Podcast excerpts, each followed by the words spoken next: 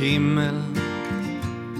Ett regn faller sakta ner.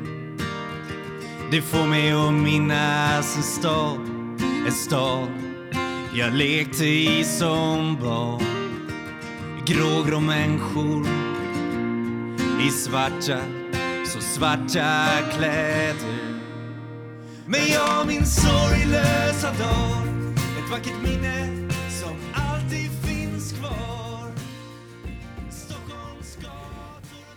Hej och välkomna till Beroendepodden avsnitt 41. Eh, välkommen hit till er som lyssnar för första gången och välkommen tillbaka till er andra. Detta är en podcast om alla olika sorters beroende, missbruk, medberoende och psykisk ohälsa. Eh, jag som driver podden heter Anneli och jag är själv en beroende person. Min huvuddrog är alkohol, eller var, var alkohol. Eh, det var länge sedan jag drack. Eh, Faktiskt eh, på fredag nästa vecka, den 15 september, så är det faktiskt nio år sedan som jag drack sista gången. Eh, då nådde jag min botten. Eh, och sen dess så har mitt liv förändrats totalt.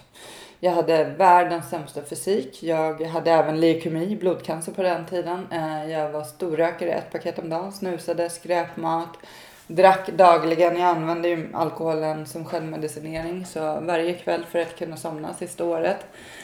Um, orkade inte gå upp för en rulltrappa, var helt slut när jag kom upp. Uh, vad var jag, 28-29 år gammal.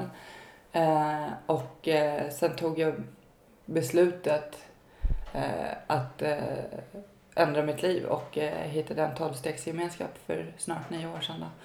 Och sen dess ser allt annorlunda ut. Jag är, idag eh, håller jag på med swimrun, en extremsport där jag reser runt i världen och eh, tävlar i den här sporten. Eh, jag håller på med ultralöpning, jag springer lopp som är 7-8 mil långa.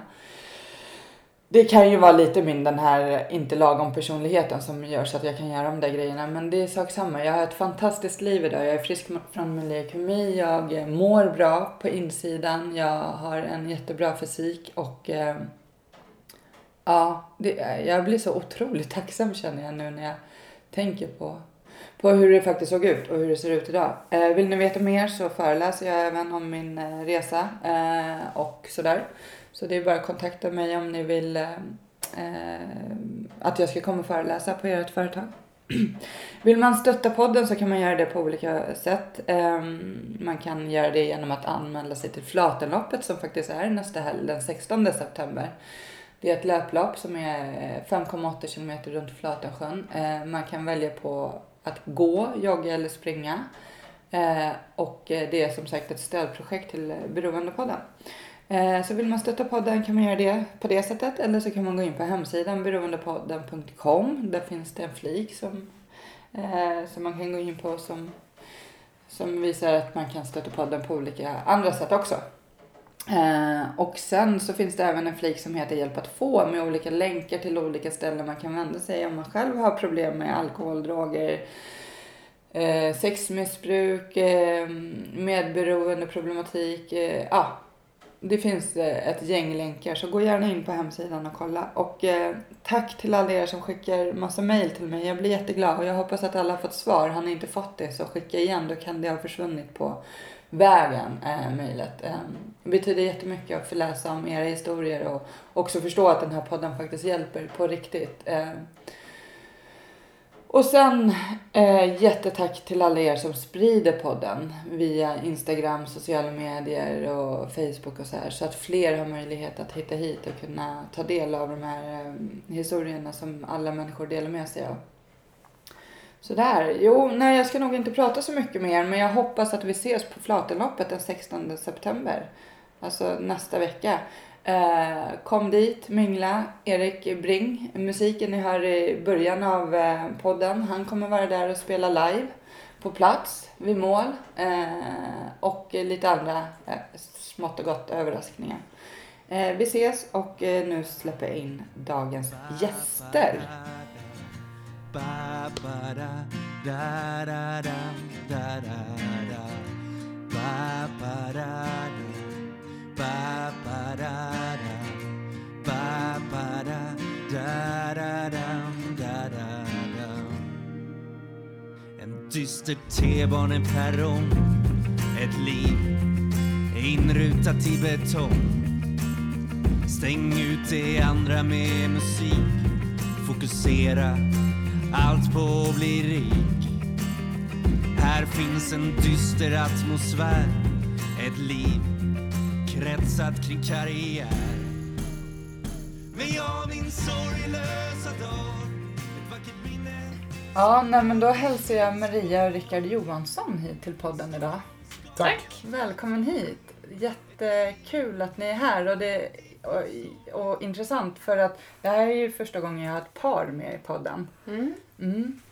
Och eh, då ska vi ju börja med att säga att eh, Rickard, du lever som nykter och drogfri Mm. sen eh, fem... Sen, ja, 02. Ja. Och så, så du är ja, nykter och drogfri alkoholist och narkoman. Ja, Mm. ja. Och du lever som tillfrisknande medberoende. Yes. Ja, jättekul och Mm. välkommen hit. Men eh, jag tänkte, vill Maria börja lite med att berätta om vem du är och Mm. din bakgrund? Absolut. Ja, Det ska jag göra. Ehm, Jag är 45 år. Mm. Eh, Föddes i Skärholmen. eh, Med mamma och pappa och stora syster som är fyra år äldre än mig.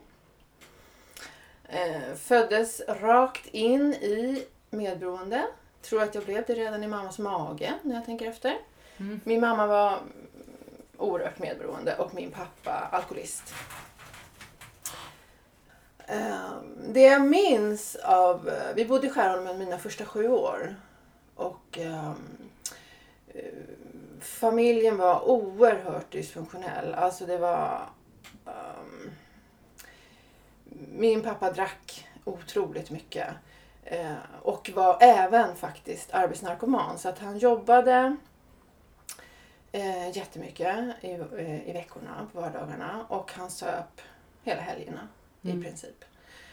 Ehm, och ehm, när han söp, jag minns ganska faktiskt ehm, jag var rätt liten alltså, när jag minns den här skräcken. Jag var livrädd för min pappa.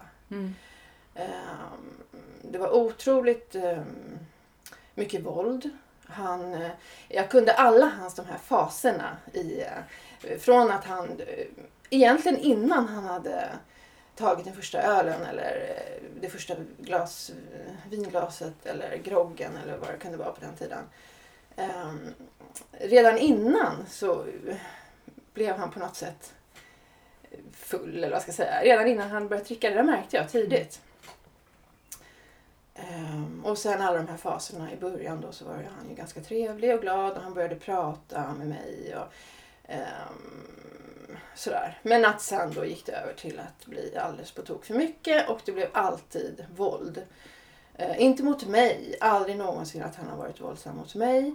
Eh, eller alltså slagit mig eller så. Men mamma och pappa, Mm. de, eh, det blev alltid på något sätt eh, bråk och slagsmål egentligen. Som jag eh, såg och gjorde mig, det gjorde mig livrädd. Eh, och alltid dagen efter så var det ingen som nämnde det. Alltså vi... Jag kan inte minnas att jag överhuvudtaget tänkte tanken att jag skulle fråga vad som... Eller säga något eller om det... Alltså aldrig i livet. Utan jag bara förstod att det här, det nämner vi bara inte. Mm. Eh, och min pappa var... Eh, det jag minns under min uppväxt eh, mycket väl också, och har i och för sig varit så hela mitt liv, men, men om vi ska ta barndomen då så var han, när han var nykter så var han väldigt tyst. Han pratade ingenting hemma egentligen. Han var helt knäpptyst. Så att jag var ju inte bara livrädd för honom när han var full. Jag var även det när han var nykter. För jag hade ingen aning om hur jag skulle vara med honom. Eller han var bara så oerhört obehaglig. Mm. Eh, Jag tilltalade aldrig honom. Han pratade aldrig med mig. Han sa liksom ingenting. Det var mamma och han. eh, Mamma pratade med honom egentligen. Men hon fick inte alltid heller svar. De hade också någon här väldigt speciell relation. Men det var ju otroligt eh, eh, svårt för mig Mm. att förstå. Liksom. Och där snabbt, tidigt eh, eh, f- eh, inte så att jag tänker tillbaka på min barndom och eh, eh, glasklart kände att det var mitt fel. Eh, det som pågick där hemma. Men nu kan jag verkligen känna att jag funderade om det var mitt fel. Alltså eh, om det var jag som eh, kan det vara mitt fel? Det var inte så att jag kände att det var mitt fel. Det är min syrra då som var fyra år äldre i det här kaoset. Eh, och hon... Eh, jag minns tydligt lägenheten vi bodde i. Eh, eh, att vi, eh, hon, hon tog hand om mig helt enkelt när de här fylleracen pågick. Många gånger kan jag se såna här flashar, man har såna här flashminnen liksom på något vis. Att jag kan se att vi, vi hade, även om det skilde fyra år mellan oss, när vi var små så hade vi alltid likadana kläder av någon anledning. I en varsin storlek. Och det kan jag minnas tydligt, vissa såna här minnesbilder som jag har, att vi står eh, hand i hand. Men att vi tittar in i köket där det här kaoset pågår. Men att eh, och mamma och pappa var liksom inne i sin i, i något slagsmål. Liksom. Mm. Och där står min syrra och jag, liksom små, två små tjejer och liksom tittar på det. Jätte eh, hemskt faktiskt. Jättesvårt och jätteläskigt. Jag var alltid rädd när jag var liten. Jag var rädd för allt möjligt. Jag hade jättestora problem med magen. Jag hade jätteont i magen. Alltid. När jag var sju år så flyttade vi. Eh, till Kista, en annan förort. Och eh, där, samma sak, det pågick. Vi byggde något radhus där. Ehm, det var en ganska ny förort då. 79 tror jag vi flyttade dit. Um, och där började jag, jag hade börjat lite en kort, första terminen bara i ettan i Skärholmen. Men sen då fortsatte jag första klass i Kista. Och allt fortsatte, fortsatte som vanligt. Pappa jobbade alla vardagar. Han var aldrig liksom hemma från jobbet. Och um, sen dyngrak på fredag kväll till måndag morgon typ. Eller ja, söndag kväll eller vad man ska säga. Och alla jular, alla midsommar, alla storhelger, alla semestrar var fylla. Men ja, Försö- Försökte han någon gång? Förstod han att han hade problem? Och försökte han sluta? alltså jag vet faktiskt inte. Jag, jag vet faktiskt inte. Nej. Eftersom han aldrig pratade Nej. med, med oss. Och jag pratade aldrig med honom heller. Så att jag har faktiskt ingen aning hur, eh, hur han resonerade själv. Ingen aning. Alltså jag var tvungen att bara liksom Mm. sköta mig. Och det gjorde jag. Jag vart jätte, liksom, eh, jätteduktig flicka. Liksom.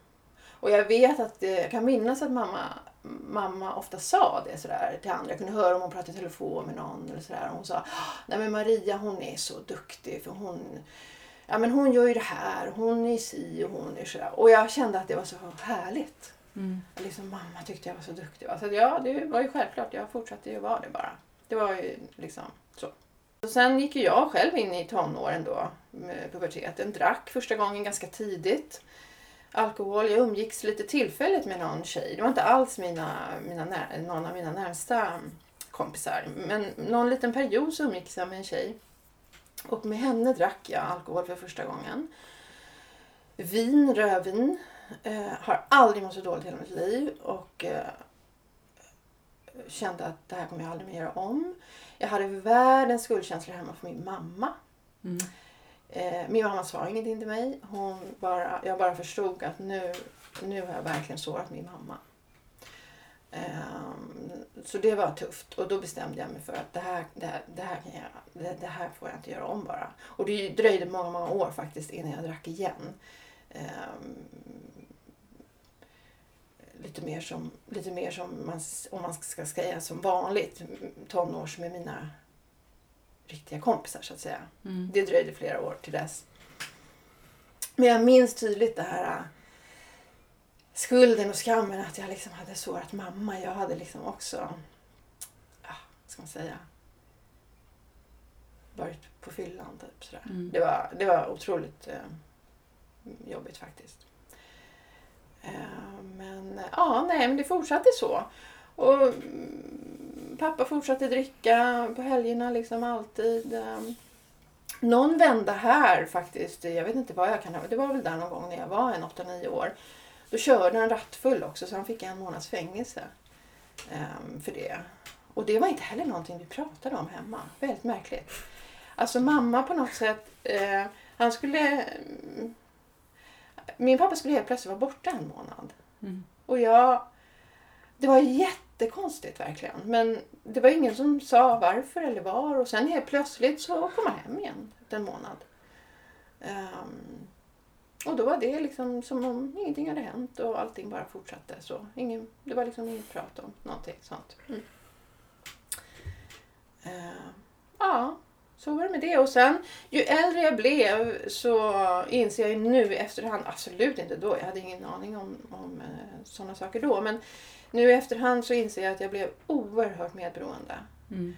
Ehm, det var liksom det jag var. Jag, jag ehm, eh, vad ska jag säga? Jag blev väldigt medberoende i, på det viset att jag aldrig konfronterade någon. Jag aldrig eh, sa någonting. Jag, ehm, det här duktiga flicka blev jag ju naturligtvis också. Ehm, men, men just det här med medberoendet, just det här eh, missbruket och det här... Eh, jag sa aldrig något om det. Aldrig i livet. Det fanns inte. Fortfarande idag så får jag lite så här... Ehm, en liten sån här eh, uh, oroskänsla finns kvar faktiskt. Att, att det var så jävla läskigt. Mm. Och just att ingen annan heller sa någonting. Det var väldigt märkligt.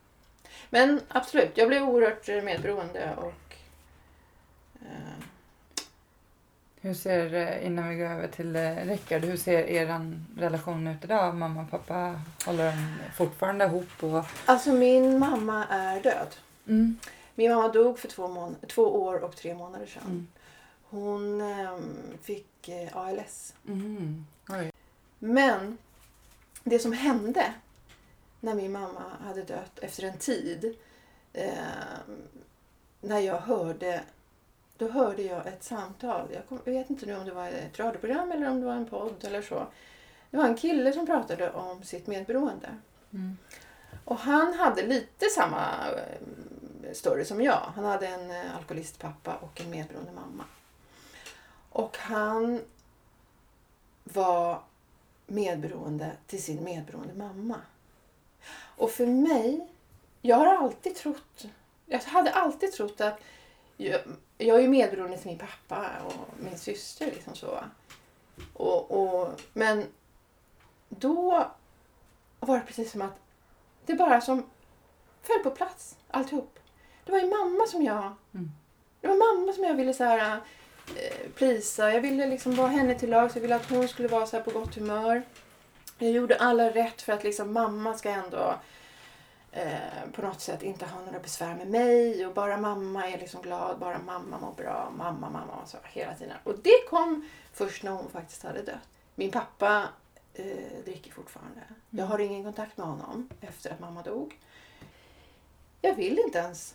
Jag vill inte ha kontakt. Han är bara jättefull och uh, det vill inte jag. Ja, Rickard, vill du berätta lite om dig och din bakgrund? Absolut, det kan jag göra. Eh, jag är eh, snart 40. Mm. Bara det är för jävligt att säga. eh, jag är eh, nykter och drogfri idag då, sedan 02. Ja. Eh, jag är uppväxt i eh, Sollentuna. I en eh, ganska normal familj om man får säga så. Alltså det är mamma, pappa och en storasyster. Eh, som är fyra år äldre. Eh, så det var eh, villa och Volvo. Helt enkelt. Ända fram till eh, i början på 1986. Mm. Eh, då fick vi reda på att mamma hade fått eh, bröstcancer. Eh, och eh, för mig känns det som att det var väldigt lång tid. Men det var inte så lång tid. För det tog ju drygt, jag hade för mig att det var ett, ett och ett halvt år någonting och sen hade hon dött. Mm.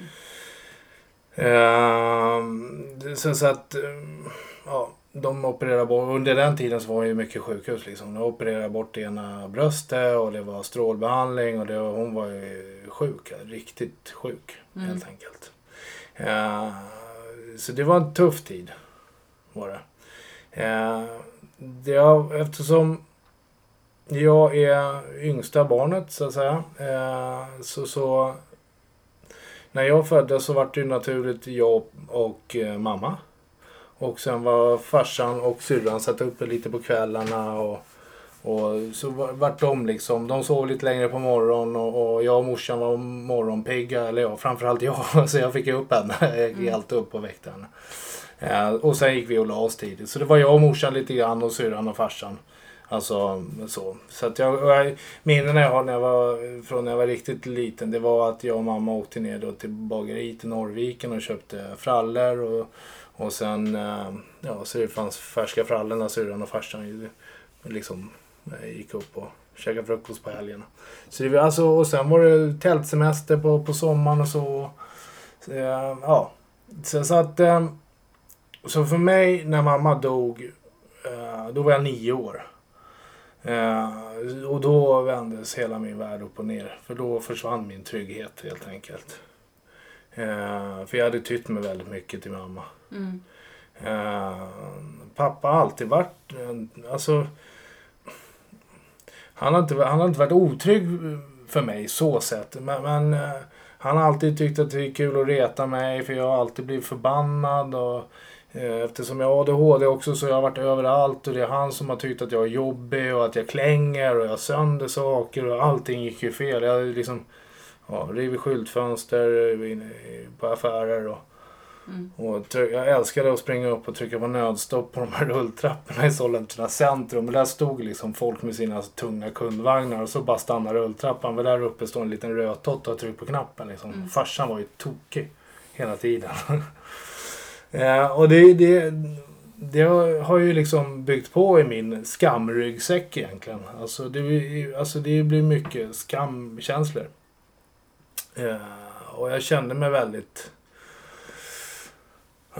det var ju, jag kände mig väldigt skamsen liksom. Alltså det, jag visste ju inte vad jag skulle göra av mig själv. Jag bara, det bara spritte i kroppen och, och sen vart det som det vart och sen fick jag av så mycket själv liksom. Så att när morsan dog så vart det ju väldigt, för morsan skyddade ju mig alltid. Hon var ju, och farsan, jag kommer ihåg, jag kan höra han än idag. Ja, fan du kommer ha morsan med in i lumpen. Så där höll han på. Mm. Så att jag var väldigt mammig. Och det försvann. Eh, och jag vet inte, jag, jag fattar kanske inte vad som hände. Riktigt. Hon bara dog. I, Mm. i, I min värld liksom. Och eh, ja. Eh, jag har ju alltid haft problem med skolan eftersom jag inte kan sitta still. Myror i brallan som det hette förr. Mm. Liksom. Ett tag var de ju inne på att sätta en sån här skärm i klassrummet runt mig så jag skulle ha Ja du vet. Mm. Man stänger in apan. Nej men du vet. Mm. Alltid gått till såna här specialgrupper i Mm. skolan. Jämt. Så det är så här, ja nu är det matte, nu får Rickard gå upp till den där människan. Ja, då skulle jag gå iväg liksom. Så att jag har ju alltid varit så lite missanpassad om jag säger så. Då. Men jag har inte känt mig så. Jag har aldrig blivit mobbad. Och jag har alltid varit med mina polare. Men det är alltid så här, ja, alla tittar på mig på något vis. Mm. Så här, rektorn kunde ropa ut. Ja nu kommer Rickard upp till rektorns expedition för då hade jag gjort något jävligt. Ja men du vet, så det var alltid så här, någonting som hände kring mig. Eh, ja, så såg det ut. Hela min skolgång har varit jävligt skum. Eh, och eh, ju äldre jag blev desto mer utåtagerande blev jag. Eh, jag vet en gång i sexan så sparkade jag ner min fröken. Mm. Mitt framför alla, i klassrummet, mitt framför alla. Eh, för någon skitgrej som hände. Alltså sådana saker händer ganska ofta. Eh, och eh, ja, så såg det ut. Sen, eh, när var det? Det var i början av sjuan. Vad är man då? 12, 13? Jag hade nog inte ens fyllt 13. Eftersom jag fyllde sent på hösten. Men typ 12, 13. Då var farsan borta. Han var i London vet jag. Syrran hade fest hemma med sina skinnskallekompisar. Mm. Hon var ju fyra år äldre. Så att, ja. Och där var jag med, jag fick ta hem eh, två av mina kompisar på den festen. Vi fick vara med där.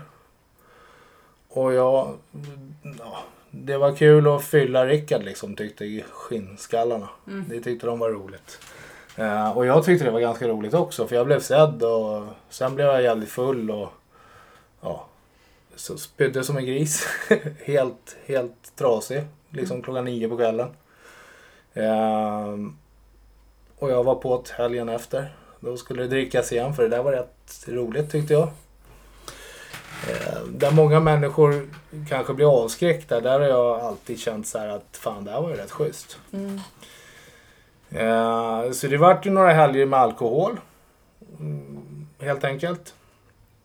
Farsan har ju alltid haft sprit hemma eftersom han har bränt själv. Så jag hade ju ganska bra med, det var alltså, flask, alltså litervis hemma hade jag. Så det var bara att ta en flaska det var ingen som märkte. Och så kunde jag ta en flaska till helgen efter. Sen kunde jag liksom, ja men du vet. Så det, jag hade ju så mycket sprit. Så att det, det var ju bara att dricka. Ja, så det var rätt mycket fest i början av tonåren. Och sen, eh, ja, rullade det på. Skolan gick skit. Ännu. Jag fick en, till slut fick jag inte ens vara i vanlig klass. Utan då var det bara specialklass hela tiden. Skolan visste inte vad de skulle göra. Eh, så det var ett SOS inkopplat och ja, sådana små grejer liksom. Eh, sen var det en kompis som hade testat att sniffa lim. Mm. Så sa han, fan Rickard, det här måste du prova. Det här var jävligt schysst. Ja, det måste du testa. Eh, ja, det var ju rena drömvärlden. Så höll vi ju på med det istället för att supa. Då började vi sniffa lim, sitta i några trappuppgång med plastpåsar i ansiktena och bara... Mm. Uh, ja, och då eskalerade det ganska kraftigt. Alltså då vart ju också mitt humör ännu värre. Så, så då blev jag ännu mer våldsam. Så jag började ju slåss ganska mycket hemma. Uh, jag har slagits ordentligt med min pappa. Riktigt ordentligt. Uh, och ja, det är ju väldigt mycket ångest i det också. Det är, för det är ingenting jag vill göra. Jag mådde jättedåligt av det. Men det förträngde jag med, med lite alkohol och lite limf så funkar det skitbra. Eh, sen i början av åttan då började det snacka om att då var ingen, de klarade inte av mig, varken skolan och farsan började liksom, han pallade, han visste inte vad han skulle göra. Så då började vi titta på skolhem. Så att efter halva åttan så fick jag flytta ut till ett skolhem i Gnesta. Och eh, där kom jag i kontakt med lite andra människor som eh, hade problem i sina liv också. Så där började jag röka hasch. Mm. Eh, och eh, då slutade jag med, med lim och sånt där. Och då var det hasch istället. Det var, jag var lika torsk på det på en gång. Det var det bästa jag gjort, det med. Så det var liksom alkohol och det var hasch och sen var det lite mer sniffande och så såg det ut liksom. Uh, ja. Och uh, jag blev jävligt aggressiv. Var, ju mer jag stoppade i mig desto mer aggressiv blev jag. Mm. Liksom. Uh, jag slog syrra medvetslös hemma en gång. ja, det, det, det, det var skit liksom. Var det. Jag rymde från skolhemmet det första jag gjorde.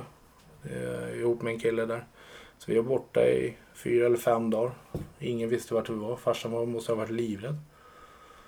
Eh, men allt sånt där förträngde jag med lite alkohol, lite droger. Jag snodde pengar av farsan ganska mycket sådär. Alla rikskuponger gick att plocka från honom. Tror jag 6-7 tusen i rikskuponger som jag kunde gå och köpa mat för. Så jag tyckte det var jävligt trevligt. Eh, ja. Så jag, hade, jag har haft väldigt mycket ångestgrejer egentligen. För jag, det, jag är en ganska snäll människa innerst inne. Så någonstans har jag bara pissat på mig själv hela tiden och, och satt mig själv i jävligt dumma situationer. Mm. Men jag har heller aldrig klarat att dricka normalt. Jag har liksom alltid spårat ur. Och var det så att jag inte spårade ut då kunde jag komma ihåg det ganska lång tid efter sen. Då kunde jag leva på det. Nej men fan. Det det var, ja, det var en lördag där vet du. Då drack jag som fan och då, och då gick det bra. Lite så hade jag det.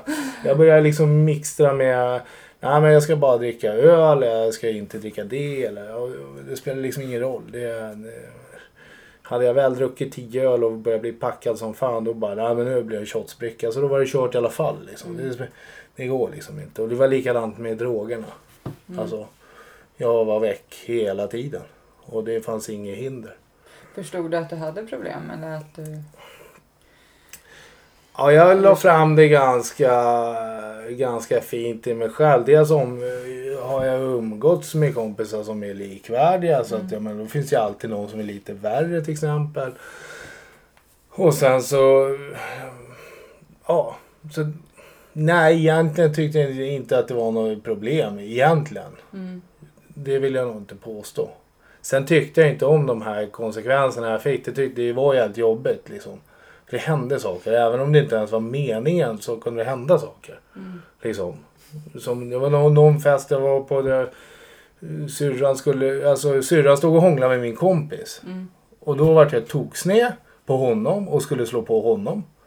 Och då skulle syrran gå emellan och jag kast- kastade ner syrran och hon skrapade upp hela ansiktet i asfalten så hon var ju helt totalt förstörd. Och det var ju inte ens meningen. Mm. Men det är sånt som händer hela tiden för mig. Det hände saker. Mm. Liksom.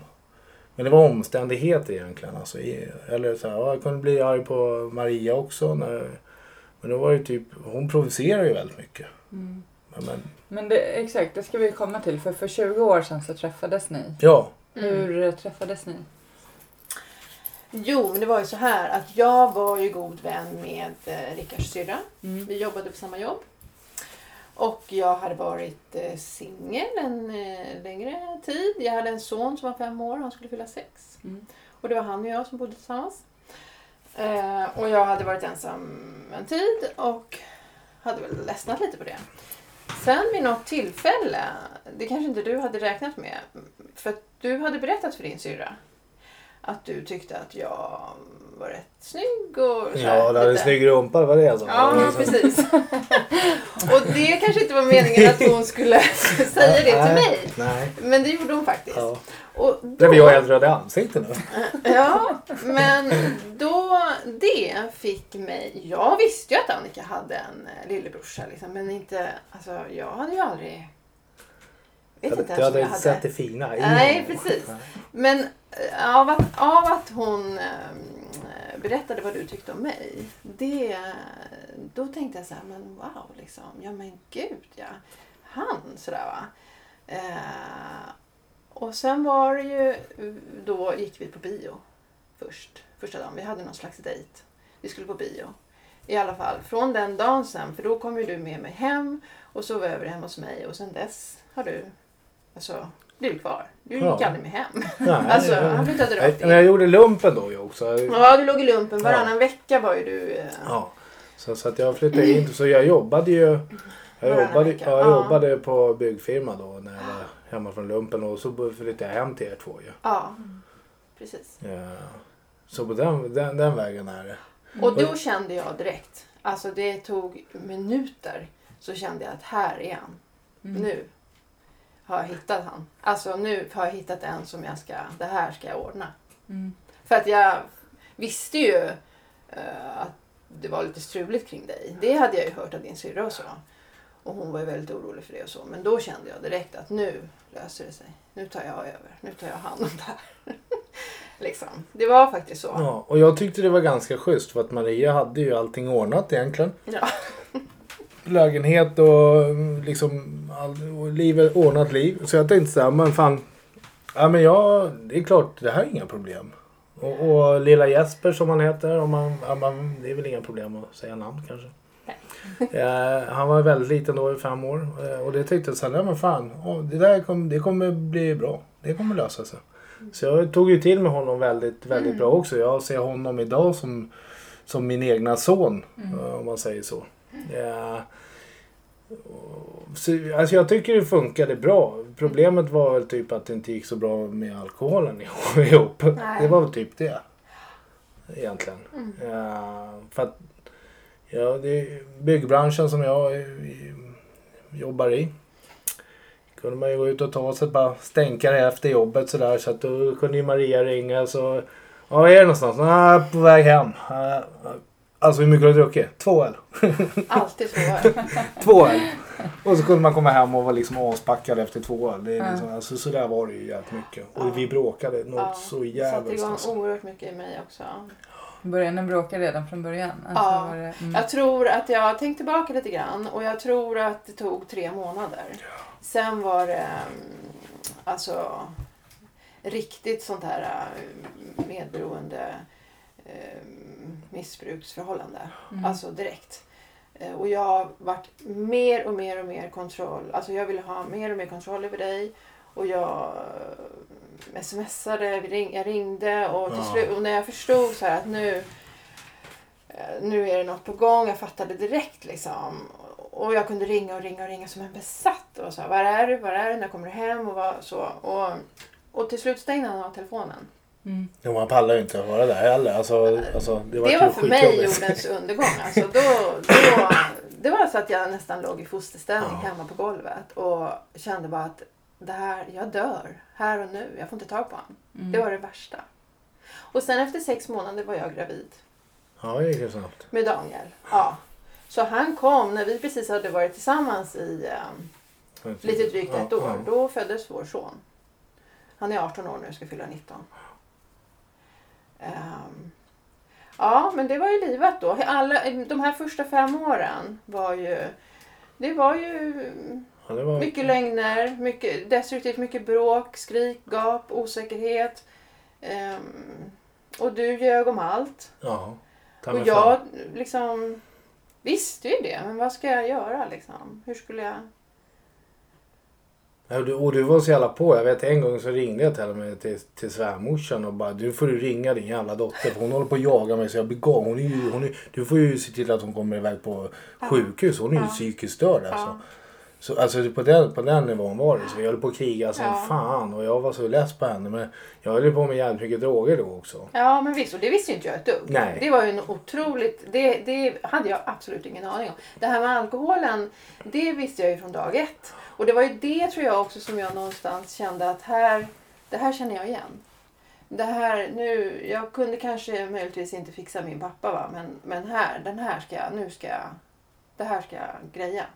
Så det vart som på något sätt eh, inga problem ungefär, lite grann. Ja, och börja, I början när vi träffades då höll jag inte på så jävla mycket med droger. Nej, då, det då, då, ju då, då tog jag när, när det blev en erbjudande liksom. Så det Ja. var, men sen det var ju bara typ, och det var ju där i, på Kronborgsgren, alltså det var ju typ två år in eller något, två och ett halvt år in kanske. Ja, Då började jag för då började jag umgås med väldigt mycket folk på jobbet som höll på med droger och som Mm. var ganska liksom stora kranar om man säger. Mm. Eh, Så då fick jag sån jävla tillgång till det där. Och sen då var det ju kört alltså. Så jag, jag gick ju inte... Det var inte en dag utan, utan någonting. Så det var, det var antingen var det amfetamin och sen var det röka ner sig så man kunde sova. Och, och så levde jag hela tiden. Och sen var det något krogbesök och, så, och då var det ecstasy med polarna liksom. Så det var ju så jag levde lite grann. Och sen så försöka hålla ett schysst familjeliv hemma med vad allt det eh, liksom eh, innebär. Och det, det går ju inte. Det, det funkar ju inte. Vi, vi, var ju, vi krigade ju jämt. ja. Hela tiden. Och jag kände nog, jag började nog märka små spår sådär eh, på den, i, i den lägenheten också. Som du liksom på något sätt glömde av på kvällen. Och all, alla detta, dessa godispapper, alltså Trix Ja, och ja. Snickers och det var ju Jag satt, ju uppe, väl- jag satt ju uppe på kvällarna så att hon skulle somna så jag kunde röka Ja. ner mig ordentligt. Och sen Ja. var det bara fram med godiset och sitta och titta på TV och röka ner sig. Och det där funderade jag mycket på för jag tänkte vad fan har du gjort liksom? Varför? Men det lyckades. Jag, jag, jag misstänkte aldrig droger. Aldrig Mm. droger. Förrän då det hade gått fem år. Då hade vi blivit eh, familjehem till min eh, systerdotter. Mm. Så vi hade ju henne boende hos oss. Hon var ju 13 då ungefär.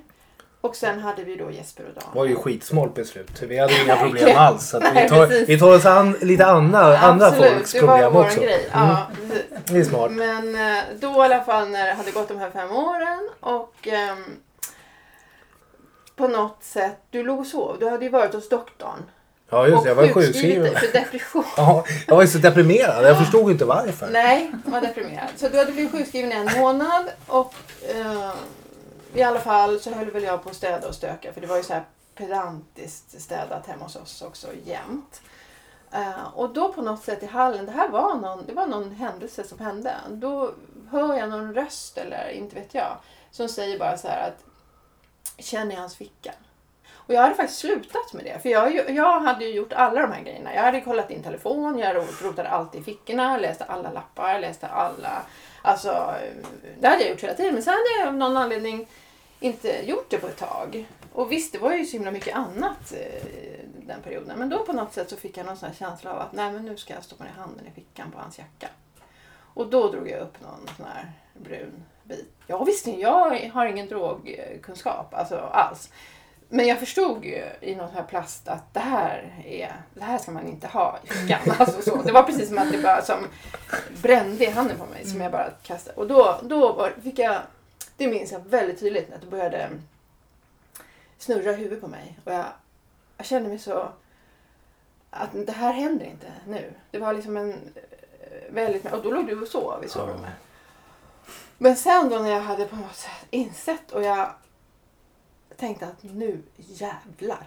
Så jag in i sovrummet, slet upp, jag slet Ja. upp dig. I, handgripligen slet jag upp dig. Och vad i helvete är det här för någonting? Men då, det första du sa var ju en lögn. Ja. Det var ju din kollegas. Ja. Din. Såklart. Ja, men det är ju inte mitt. Det var så här bara, en tusendels sekund. Poff sa det bara. Ja. Han är inte ens vaknat. Lö- Lögnen kom typ i sömnen. Ja. ja, men det är ju så. Sen stack du. Ja. Ja. Och du ringde till farsan och syrran på en gång. ja, jag ringde dem direkt. Jävla skit alltså. Ja, och sa jag hade hittat och då, Aj, aj, de aj. ville nog egentligen inte heller höra. Nej, men jag bara fan. kände att jag tänker inte ha det här själv. Utan jag måste berätta det här för alla. Och sen så sa jag, då vart jag direkt så här va. att Nu gör vi så här och nu så här. Då blev jag väldigt praktisk. Och la undan den här um, alla de här, den här skräcken och så ledsen. Jag var skitledsen, besviken och allting. Men det var så här som bortblåst. Efter några timmar då sa jag, nu ringer vi till din doktor. Nu får du ringa till din doktor, boka en ny tid. Och så går vi tillsammans upp till vårdcentralen och du ska säga att jag har ingen depression, jag är knarkare. Jag har liksom så här va. Och du gjorde ju det. Ja, vad fan ringde- skulle jag göra? Precis. Och ringde till doktorn och sen... Ja, Och han satt ju som, han var ju läkarstudent. Han hade precis kommit dit till vårdcentralen. Så jag var ju typ hans första case. Där kom jag och bara, du jag ljuger lite. Jag håller på att röka brass och knarka som jag dåre. Och där satt bara, jag liksom på okej. en stol bredvid så här, med armarna i kors och liksom, nu säger du precis som vi har sagt och så här va.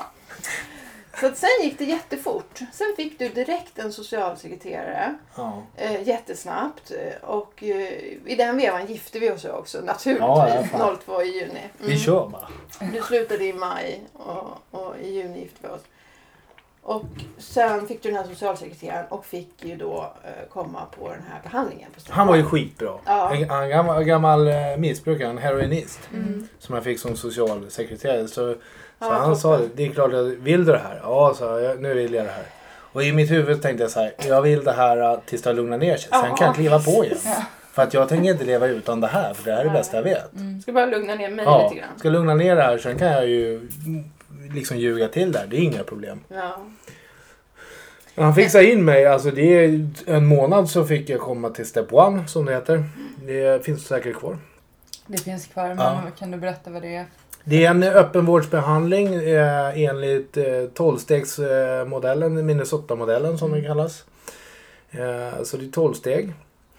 Eh, och eh, eh, det var kriterierna var ju från, från eh, Marias sida, eller min också, det var ju att det var, skulle vara en öppenvård. Så att jag kan, jag måste vara kvar. Det var ju, vi var en familj liksom. Jag kan ju inte bara sticka iväg till något behandlingshem. Utan så meningen var ju att vi skulle leva i verkligheten samtidigt som vi skulle göra det här. Eh, Så jag gick där i nio månader. Jag gick först i en alkoholistgrupp där. De hade två olika grupper nämligen. Det var en alkoholistgrupp och en narkomangrupp. Så jag gick säkert ett halvår alla gånger i alkoholistgruppen. Eh, och sen så tyck, sen vart det lite så här, men lite mellanmjölk liksom vardagligt. Och då sa att, vi hade pratat om det hemma och, och, och jag bara, men jag passar inte in i narkomangruppen riktigt. För jag, fan, jag har ju inte hållit på med heroin och inga sprutor. Så att jag är inte direkt narkoman. Tyckte jag. Det, utan det var, jag är lite mer light-version. Liksom. Ja, men sen sa terapeuterna det att Rickard vi tänkte att du ska börja i narkomangruppen från och med måndag. Jaha, Ja, men jag gör väl det då tänkte jag. Så, så att eh, jag gick eh, nio, nio månader totalt och det är tre månader i, ihop med knarkarna och sex månader ihop med alkisarna. Och under tiden så levde jag hemma. Eh, vi levde tillsammans. Eh, Jag gick på möten, väldigt mycket möten. Ja, AA och DAA. Mm. Även några NA-möten. Mm. Eh, och, och, och faktiskt vara tillgänglig i verkligheten. Och, och för mig att bli drogfri och nykter. eh, Det har varit en eufori eh, i kroppen. För jag började må väldigt bra. Jag tyckte att livet var jävligt trevligt. Och, och slippa vara så jävla trasig. Och din depression. Ja, den, den, den försvann jävla konstigt. Konstigt. Ja, jag började må bra ganska tidigt där. Det, det var inga spår av någon depression. Eh, så, så att, ja det, ja, det hände ganska mycket saker för mig redan från början. Mycket positiva saker. Ekonomin blev bättre. Liksom, hemma blev det ju lite bättre. Lite bättre säger jag, för att det blev inte helt bra. För att min fru blev ju totalt vansinnig av att jag var så glad. Och hon hade ingen att ta hand om längre. Mm.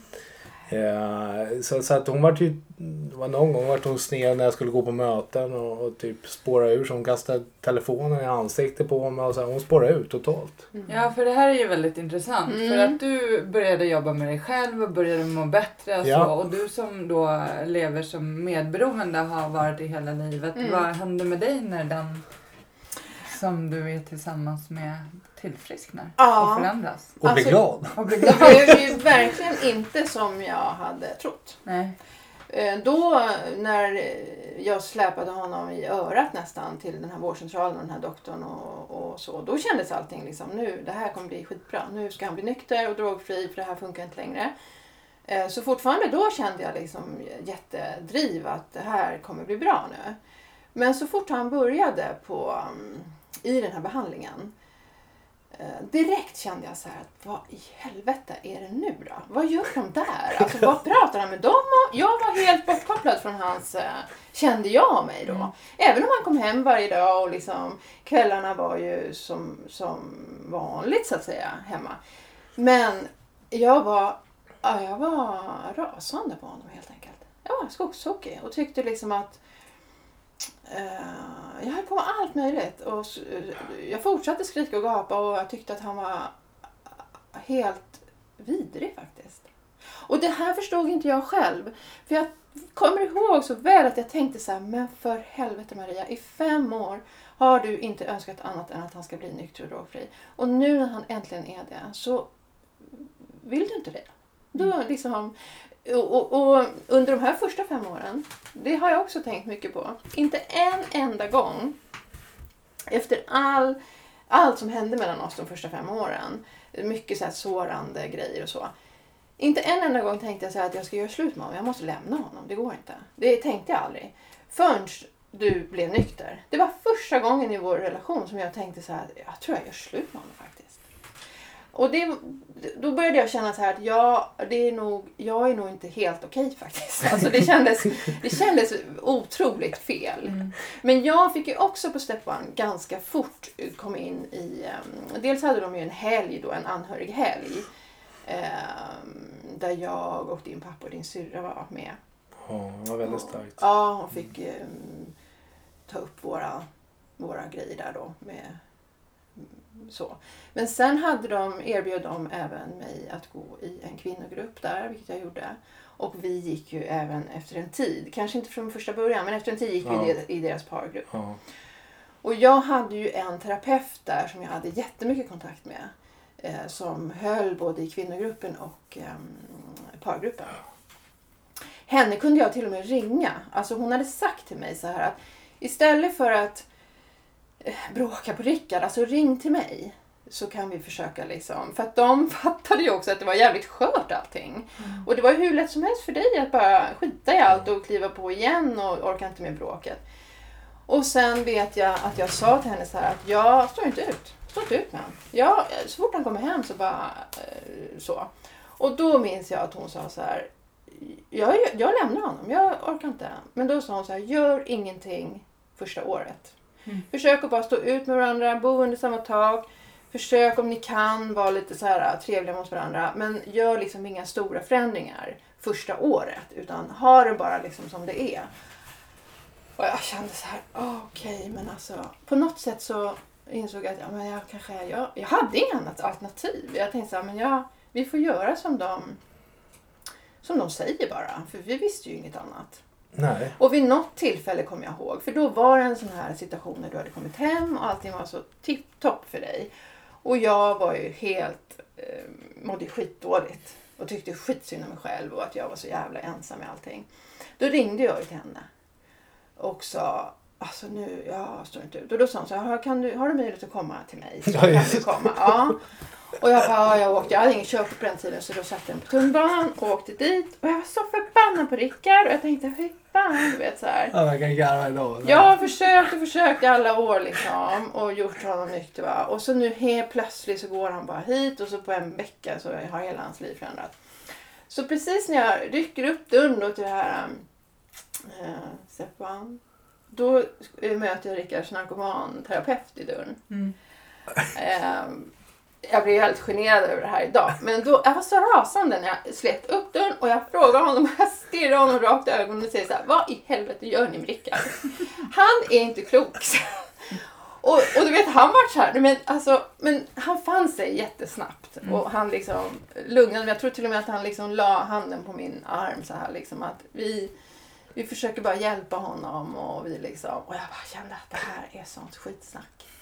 Eh, men i alla fall då, så gick jag ju in till henne eh, sen och hade en liten eh, stund med henne och fick liksom lugna ner situationen. Men jag tycker det var, det var alltså, det blev inte som jag hade trott.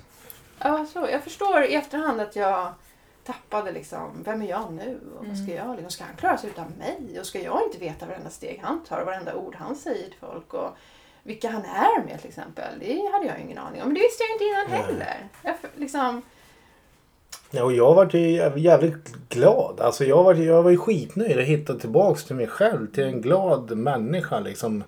Som, Men föll polletten ner direkt där på äh, behandlingen att, du, att det var en sjukdom och... Ja, absolut. Jag har, det har jag inte haft något problem att ta till mig heller. Och, och den här allergin är ju ganska lätt att titta på. Alltså, Har jag väl känt den här lilla värmen i stortån, sen, sen är det ju färdigt. Så, och, och, och, ehm, eh, så, så den har jag inga problem att förstå överhuvudtaget. För den, den är, det är så lätt att känna igen. Och problemet är väl idag att det är så mycket folk som inte förstår. För de kan ju än idag kan komma vi ska En öl kan du väl ta? Ja men fan. Om, om- en människa är allergisk mot jordnötter, halsen svällnar igen och liksom man håller på att dö. Säger du så här, men en jordnöt kan du ta. Nej, nej precis. Alltså, och det är möjligt, jag kanske kan ta en öl, men det är ju för fan inte värt det.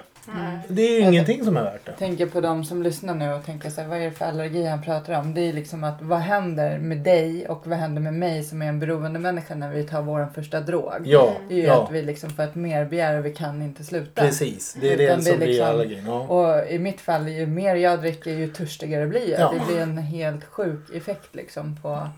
Det, och, och så har det ju varit för mig i mitt missbruk hela tiden. Ju, alltså, jag, jag vet en gång så, så om man drar en liten rövarhistoria så, så jag fick ju ett varuprov av en kompis med ecstasy. Så jag fick 50 ecstasy-tabletter av honom som ett varuprov. Jag tänkte fan det här ska jag ju beckna. Ja tjena. Jag åkte hem till min kompis och låg jag på hans soffa en hel dag och bara åt det där som att det var M&M. Ja.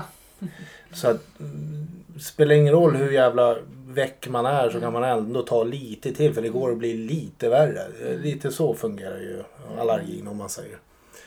Eh, Så, så det är ju väldigt hemskt i det avseendet. Mm. Men så du liksom förstod det där direkt och liksom så, ja men det här, så, så de här tankarna du hade innan liksom att jag ska sluta för tillfället men sen i framtiden då kanske jag kan, det försvann liksom. Det försvann väldigt så fort jag klev innanför dörrarna egentligen på behandlingshem eller på- behandlingen så, så Eh, säkert lite innan det också. Alltså det, var, det var bara ett försvar i början. Så fort jag hade blivit lite nykter och lite drogfri så, så eh, så, så gick de där tankarna ur. Det, det Mm. där var ju typ första veckan alltså när det allt var så liksom infekterat som, som jag hade de tankarna. Men, men de försvann väldigt fort för jag kände att det här, det här ska jag göra. Mm. Och det här kommer, det här kommer jag må bra av. Så, att- så att det var väldigt skönt. Det, var, det är väldigt skönt att inte behöva ljuga hela tiden. Jag ljög ju jämt för att köpa tid. För jag vill ju ha tid i fred. När jag var ledig och hemma så, så vill jag ju tid själv för att hinna röka eller hinna träffa polarna för att knarka. Eller, alltså, så att jag ljög ju jämt. Jag kunde ju säga att jag var på Konsum för den var lite längre bort. Fast jag var på ICA. Va? Alltså på, på den nivån. För att köpa fem minuter extra. Eh, och det är jävligt jobbigt att leva så. Det, det är ju skitjobbigt ju. Så det var jävligt skönt att inte behöva ljuga hela tiden. Det är asskönt ju. Att kunna vara ärlig. Eh, och kunna se folk i ögonen. Det är också jätteskönt. Eh, men men ja, det är vä- det är väldigt, även fast man varit, jag har varit nykter och drogfri och, och även om du tog tag i ditt så, så eh, Alltså det vart ju så mycket strul ändå för att vi hade en väldig avsaknad av när man skalar av allting så är man ju ganska naken och då kommer allt det där andra som man har med sig från sin barndom. Eh, så att vi har ju alltid haft svårt med den här intima delen Mm. egentligen. Eh, den här närheten, inte bara sexuellt utan även kramar och pussar och sitta eh, nära varandra i soffan. Intima delen, alltså och klappa på varandra till exempel. Eller, Och berätta för varandra Ja. om sina känslor Ja. eller behov. Alltså, det, det har vi ju då kom ju heller. det istället så då var det ju nästa, nästa grej liksom att börja grotta i. Mm. Mm. För när jag har tagit en hel del, du har ju jobbat med ditt medberoende. Mm. Mm. Hur har du gjort med det? Alltså, Alltså jag gick ju även, det var ju innan Rickard blev nykter och drogfri så gick ju jag i anhöriggrupper. Mm. Också 12-stegs Allanon gick jag på. ja, Ganska mycket faktiskt. för det finns en hel del anhörighetsgrupper. Ja. Det är jättebra. Och sen gick jag även, ehm, jag har gjort två familjeveckor. eh, På två olika behandlingshem, behandlingshem då, i och med att min syster eh, har gjort behandlingar. Mm. Eh, och gick även tillsammans med min mamma på eh, FA hette det. Så dysfunktionella familjer liksom. Mm. Mm. Ehm, på Malmgården låg det då mötet. Men i alla Mm. fall. Så där gick vi eh, tillsammans hon och jag. Så att det gjorde jag mycket. Och sen då framför allt på Step One. Mm. När Rickard gjorde behandlingen där med kvinnogrupper och pargruppen. Eh, Så det absolut, där har jag gjort mycket. Men ehm, det största var ju när du blev nykter. Det var ju då som det blev liksom på riktigt för mig. Även om jag hade börjat långt innan och förstått att jag var medberoende. Men det var ju först när du blev nykter och drogfri som, som det blev ordentligt så att säga. För mig också. Ja, det var då det kaosade för dig också. Ja, Så då var jag liksom, då, då var det på riktigt. Ja, Men sen i alla fall då när vi har eh, under åren nu ehm, förstått att det här med intimiteten eh, har vi svårt med. Och ehm, vi har bråkat mycket om det också Ja, faktiskt. Vi har inte fått till det här med sexlivet och vi har liksom gett varandra ganska mycket skuld för det. Och, Ja, och Alltså- egentligen så har ju jag skuldbelagt dig för det. ja, har och jag har känt skam och skuld och hela den där biten för att jag inte har funkat eh, som på film typ. Eller inte vet jag vad jag har velat. Mm. Jag har bara förstått att, för jag har inte velat eh, ha någon närhet på det viset. Absolut inte, har jag trott. Eh, jag har inte känt mm, eh, så heller. Men på något sätt så har jag väl ändå blivit lite så här att ja men kanske att kanske att till och med jag kan eh, få till det på något sätt. Och sen var det väl någon ganska stor, det var ju ganska stor händelse då för fem år sedan. Eh, när vi eh, faktiskt pratade om att vi kanske ska skilja oss. Liksom. Eh, och då var det också den här sexbiten som var på tal. Vi kanske Ja. aldrig kommer, vi kanske aldrig kan hitta dit. Vi kanske aldrig kan liksom eh, du vill mer än mig och ehm, det kanske inte går att fixa mig, typ sådär. Tänkte vi då. Ja. Men då kontaktade, eller då letade jag runt direkt efter någon terapeut som man kan tänkas prata med. För jag kände nog ändå så här, och vi kände nog kanske båda två att nej men vi kanske ska dra en vända. Vi kanske ska se om vi kan göra någonting. Vi har ändå gått igenom så mycket. Ja, säga vad vi man kan- vill men envisa är vi ju. Ja. Alltså, Och då hittade vi den här kvinnan då som vi kände direkt att, aha. För det vi sa till henne var ju när vi satt där första gången. Att nu, det vi hade trott innan och det vi faktiskt sa till henne också faktiskt. Var ju liksom att jag skulle fixas. Jag skulle, nu sitter vi här för att jag ska få eh, sexlust. ja, det ska bli... Ja, Mm. och, och, ja, Ja, det var så mig det det var. var fel på. Det var så det var. Och när man tänker tillbaka så kunde Ja, man ju se hennes min. Hon, Ja. hon log lite så här vänligt. Att okej, så här liksom att eh, vi, vi ska... Jag kan hjälpa er, sa hon bara. Och då kände jag så här, för det var det första hon skrev i mejl. Jag mejlade jag till henne och berättade lite kort om oss och vad vi behövde hjälp med. Och om mig framförallt då, eftersom jag och vi ansåg att det var mitt problem. eh, och då avslutade jag väl med så här, ja, kan du, tror du att du kan tänka dig och liksom så här, jag vet att det känns som det kanske är omöjligt och så va. Och då svarade hon direkt så här, absolut, jag hjälper er. Mm. Och då var jag så här, men gud, det kanske, kanske hon kan, annars skulle hon inte säga liksom att hon, Mm. så här va. Så då gick vi dit. Så då har vi, där gick vi, vi gick hos henne i tre år. Första året gick vi en gång i månaden. Mm. Och sen de två sista åren gick vi ungefär varannan månad. Ja, det var ju inte genom landstinget så det gick ju på en jävla slant Ja. alltså. Så, ja, så är det. Det blir ju svindyrt men det var, det var värt varenda krona Ja, det var efterhand. Det är en var en jävla investering. Ja. Ja, där fick vi lära oss så himla mycket om alla de här känslorna från, som vi hade med oss från våra barndomar. Mm. De här rädslorna och skammen och skulden och den här känslan av att inte duga. Eller, eller som jag hade lärt mig, som jag tror att jag tog efter min mamma väldigt mycket. Liksom, att nu känn inte efter, eh, ställ inga krav, eh, bara mm, kör liksom. Tala inte om hur du mår, fråga ingen annan hur de mår. Alltså bara så här, gör bara din grej liksom, och sköt dig. Så. Och behov, det var ju så här, nej, nej, nej, nej, nej. Eh, så att eh, allt det där fick vi liksom...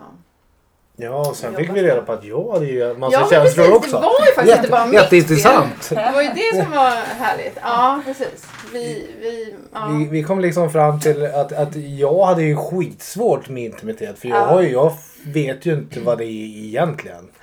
Jag vet hur det är att ligga. ja. Det vet jag. Och att man kan liksom... Och ge- använda det som ångestdämpning Ja, var ju Det, det, var ju, eh, det var jättebra liksom. Ja. Och, och, och, och det var ju långt, långt, långt in. Det här är ju långt in i, i min egen nykterhet liksom. Ja, så, så jag hade ju jättemycket grejer som fortfarande låg och pockade på och, och, och känslomässigt. Mm. Som egentligen var jävligt trasigt. Ja, Egentligen om man tittar på det. ja.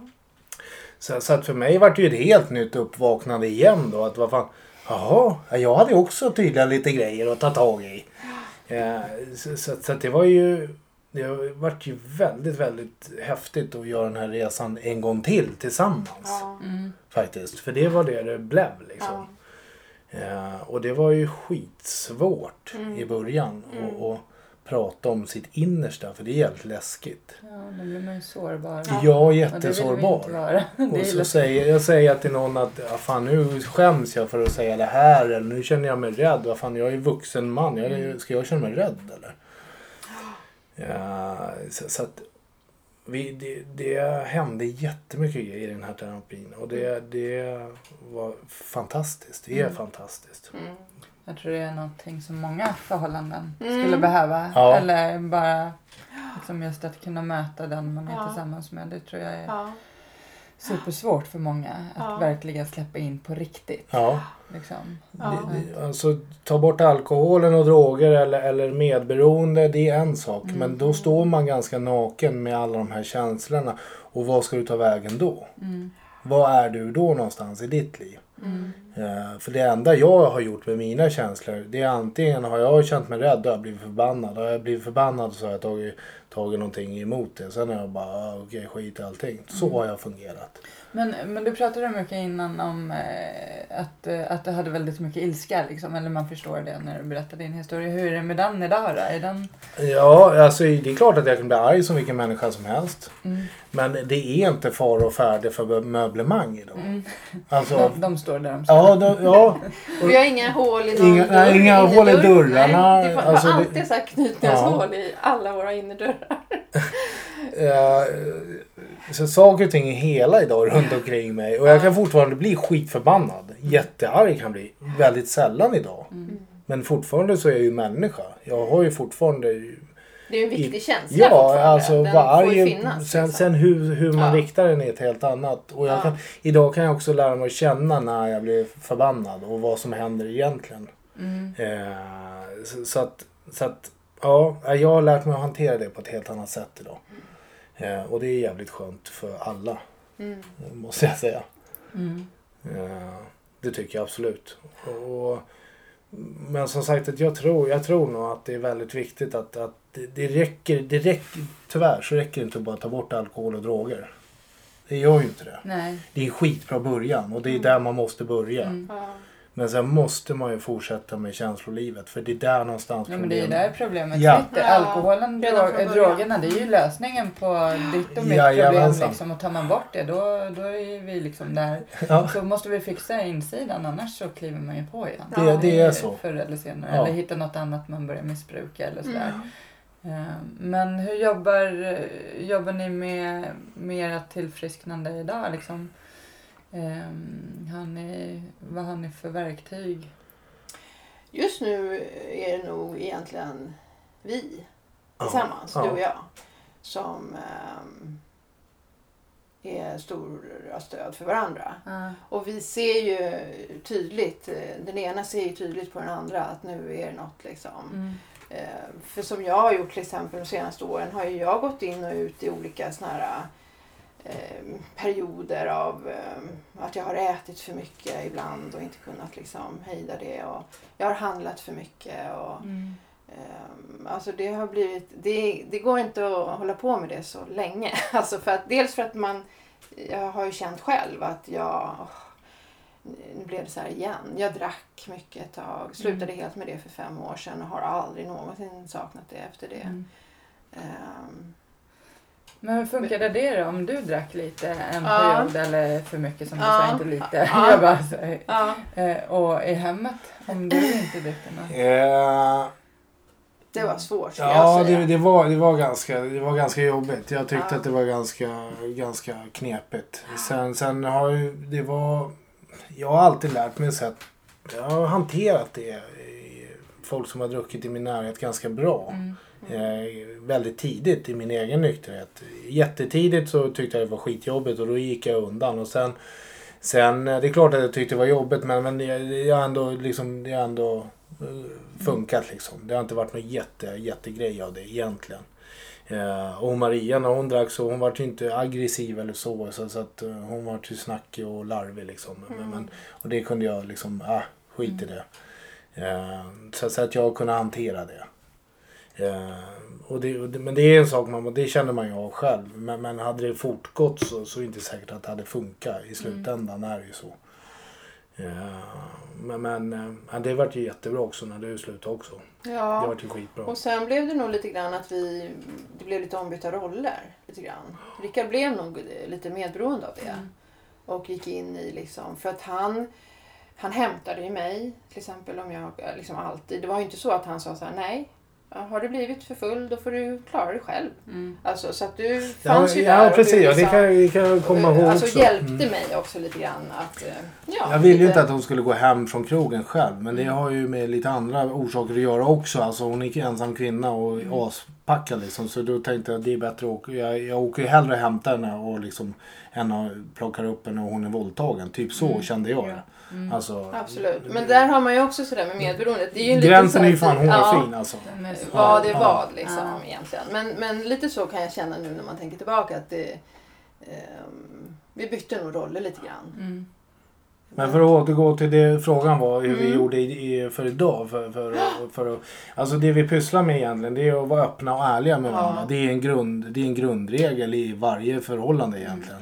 Och inte tystnar liksom. Att det inte blir tysta. Precis. För då blir det ju fara egentligen för oss. När man blir tyst och slutar prata om sina känslor då, blir man ganska, då åker man ifrån varandra ganska Ja. snabbt igen. Och sen Ja. så börjar det växa lite små irritation och sen är det liksom då står man på varsin kant sen.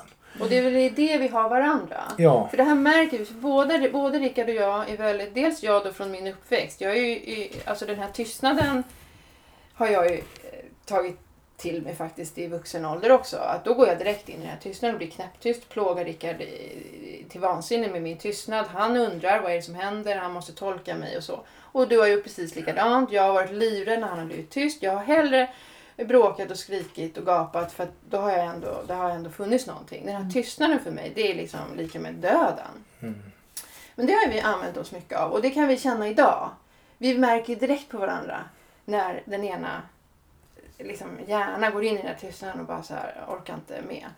Men då är ju faktiskt den andra av oss på lite grann att eh, inte så där som förr att man liksom hallå vad är det nu då och så va utan mer det här att jag ser att eh, det är någonting eller jag känner att eh, nu får jag någon sån här skuldkänsla och jag tänker alltså lite faktiskt på den nivån.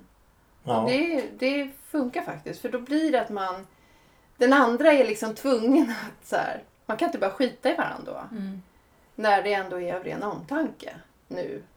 Det är inte Ja. de där äh, anklaganden och så Nej, för det är, det är viktigt också. Det är, alltså, man måste ju, men det är också i tolvsteget. Man måste kunna se sin egen del i saker och ting. Mm.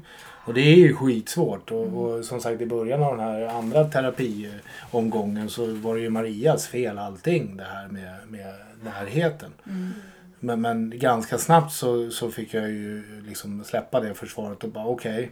jag är ju lika delaktig jag. Och det är där någonstans det är jätteviktigt att se sina egna, egna grejer i saker och ting. Att Mm. fan man är ju man är människa och ingen är perfekt. Punkt slut. Alla har fel och alla har brister. Det viktiga är att man är beredd att, att att äh, rätta till det och Mm. erkänna det för, för den andra människan att sorry fan jag har gjort bort mig här. Mm. Jag är jätteledsen och jag skäms jättemycket. Och den andra bara bemöter men fan det är okej. Och så, det är ju inte värre än så. Men i min värld när jag har gjort någonting då är det så här, då ser jag min pappa med pekfinger och bara vad fan du vet. Den känner jag blir tre år fast jag är 40 liksom. Mm. Ja, och det är där någonstans man eh, måste landa i sig själv. Man måste lära sig och, och känna de känslorna helt enkelt. Och, och bara inte vara rädd för det. Helt enkelt. Och där, som sagt, vi, där har vi hittat mindfulness. Ja, just kallas det, va? Det, ja, det är ju toppen. Det finns jävligt mycket bra appar för det där. Mm. Så, så nu sitter vi hemma vid köksbordet på morgonen när vi har semester och sitter och andas eh, Mm. tillsammans. Eh, och känner av känslolivet invärtes. Det är väldigt intimt. Ja, ja det är det. faktiskt. det. det. Alltså det, det är någonting verkligen att rekommendera. Mm. Det, och, det låter helt flummigt. Nej, jag håller på med mindfulness. Ja, Det är ju asschysst ju. Alltså, Ja, ja. Man blir, man kan komma, jag, igår tror jag det var. eh, När jag fick den här bilden av sjögräs. Ja, är- det. Förlåt men ja, ja, nykter. Mm. Alltså jag gick jävligt djupt in i mig själv i den här andningen så att jag, jag var helt snurrig när jag öppnade ögonen. Mm. Alltså jättehäftigt. Mm. Eh, Så det är verkligen någonting att, att, att rekommendera. Jag tänker på, alltså jättetack att ni har kommit hit och berättat er historia. Det, är, det har varit jätteintressant att lyssna och jag har skrattat och känt igen mig i både dig och Mm. dig, liksom, eh, dig som beroende, dig som med, medberoende. Liksom. För jag har ju också båda delarna. Ja, liksom, så här.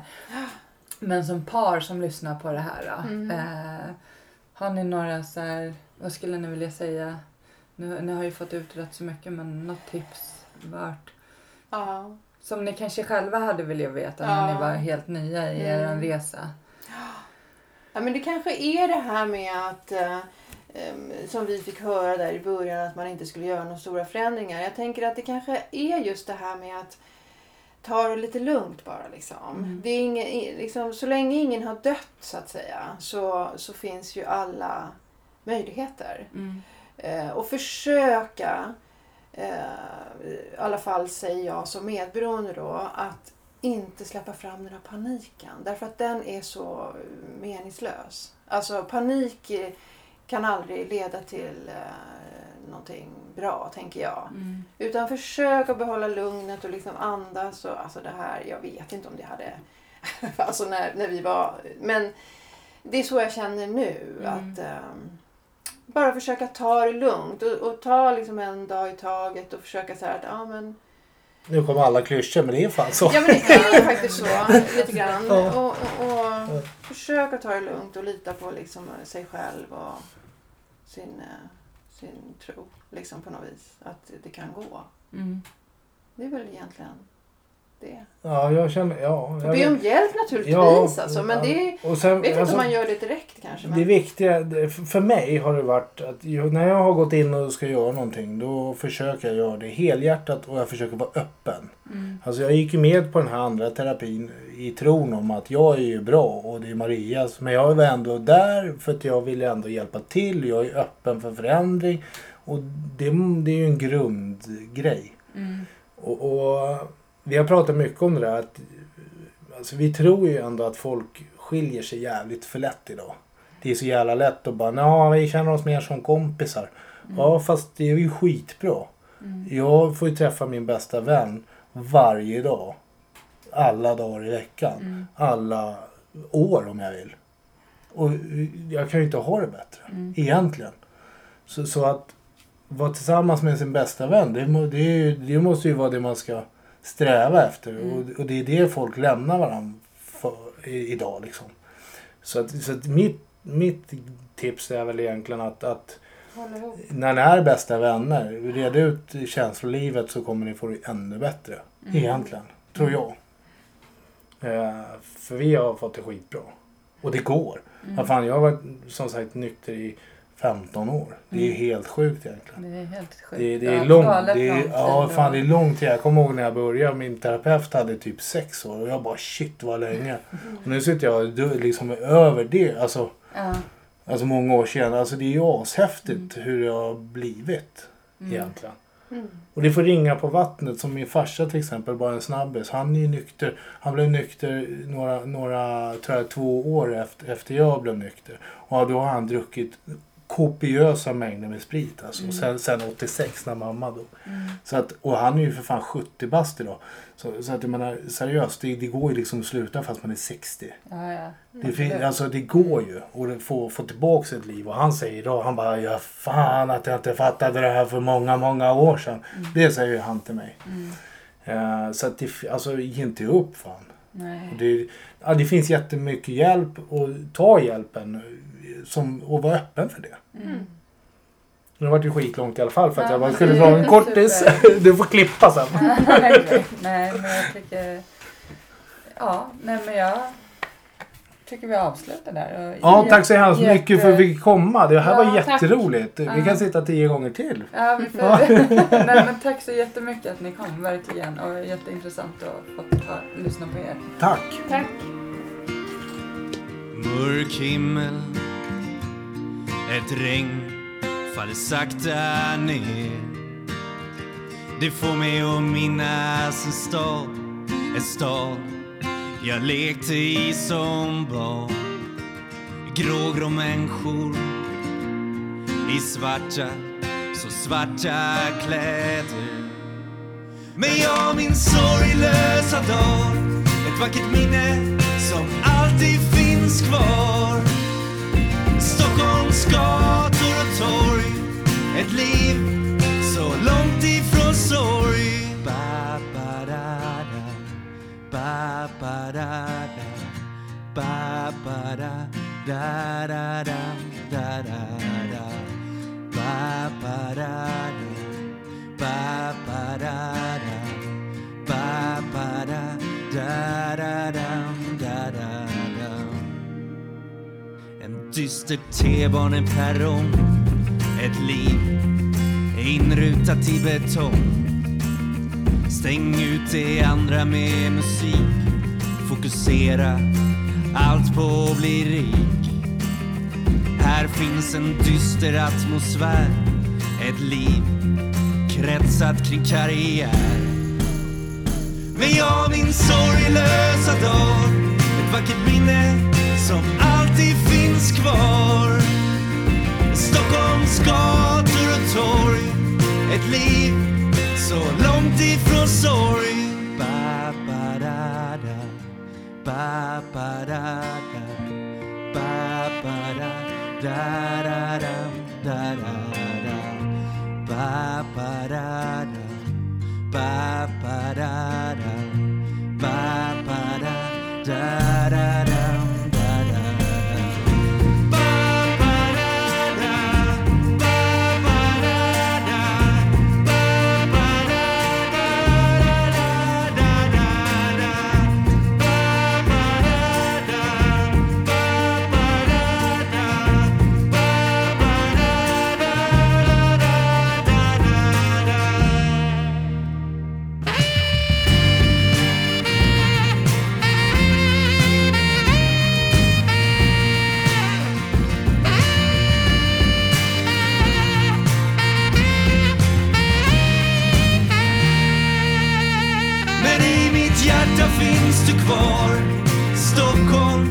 Mina drömmars stad Jag i mitt hjärta finns du kvar? Stockholm, jag är ditt barn. Stockholm, jag är ditt barn.